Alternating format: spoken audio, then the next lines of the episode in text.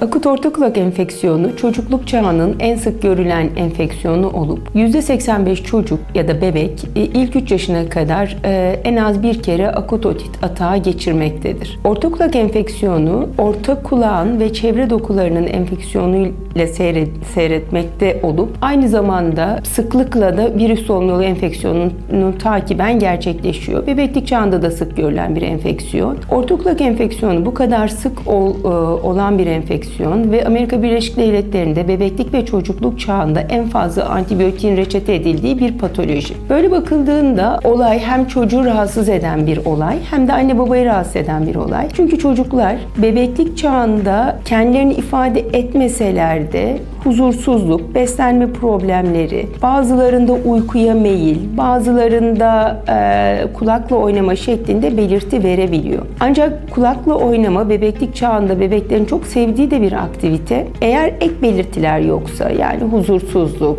beslenememe, iştahsızlık gibi ek belirtiler yoksa çok da endişelenmemek lazım. Ama dediğim gibi bu ek belirtiler varsa evet uyanık olmak lazım. Çocukluk çağında çocuklar daha fazla kendilerini ifade edebildikleri için onlardaki belirtiler arasında da e, yine kulak ağrısı olabilir ve bunu ifade edebilir çocuklar.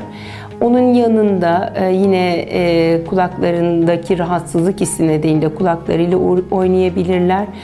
Ağrı önemli bir belirtidir. Ayrıca da e, kulak enfeksiyonlarında %80'e kadar varan vakada görülebilir şekilde ateş görülebilir. Ateş tabi gerek çocuklar için gerek aileler için çok uyarıcı bir faktör, doktora götüren bir faktör.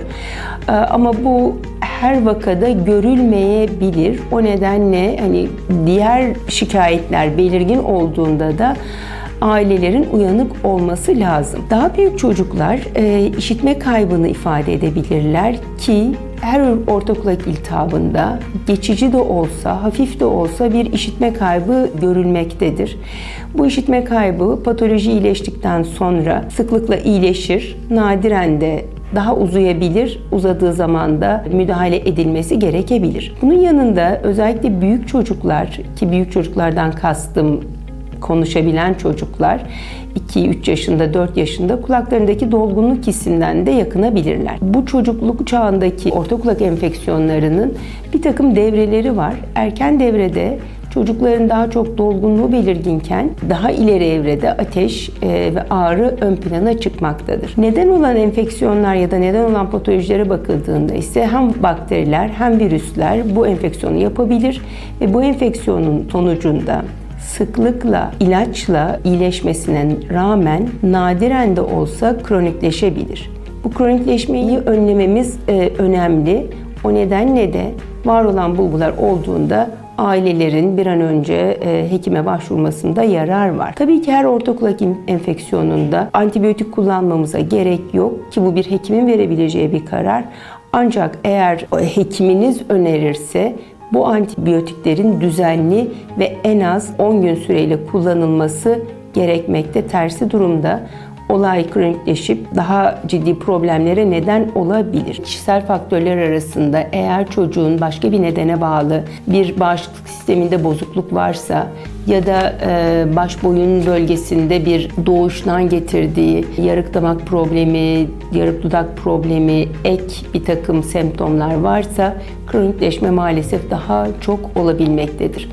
Ayrıca çevresel faktörler arasında da özellikle evde sigara içilmesi, beslenme problemleri ya da e, evin ısıtılması ile ilgili problemler, tozlu ve pis ortamlar olayın kronikleşmesine neden olmaktadır. Buradaki özellikle anne babanın sigara içimini vurgulamak istiyorum.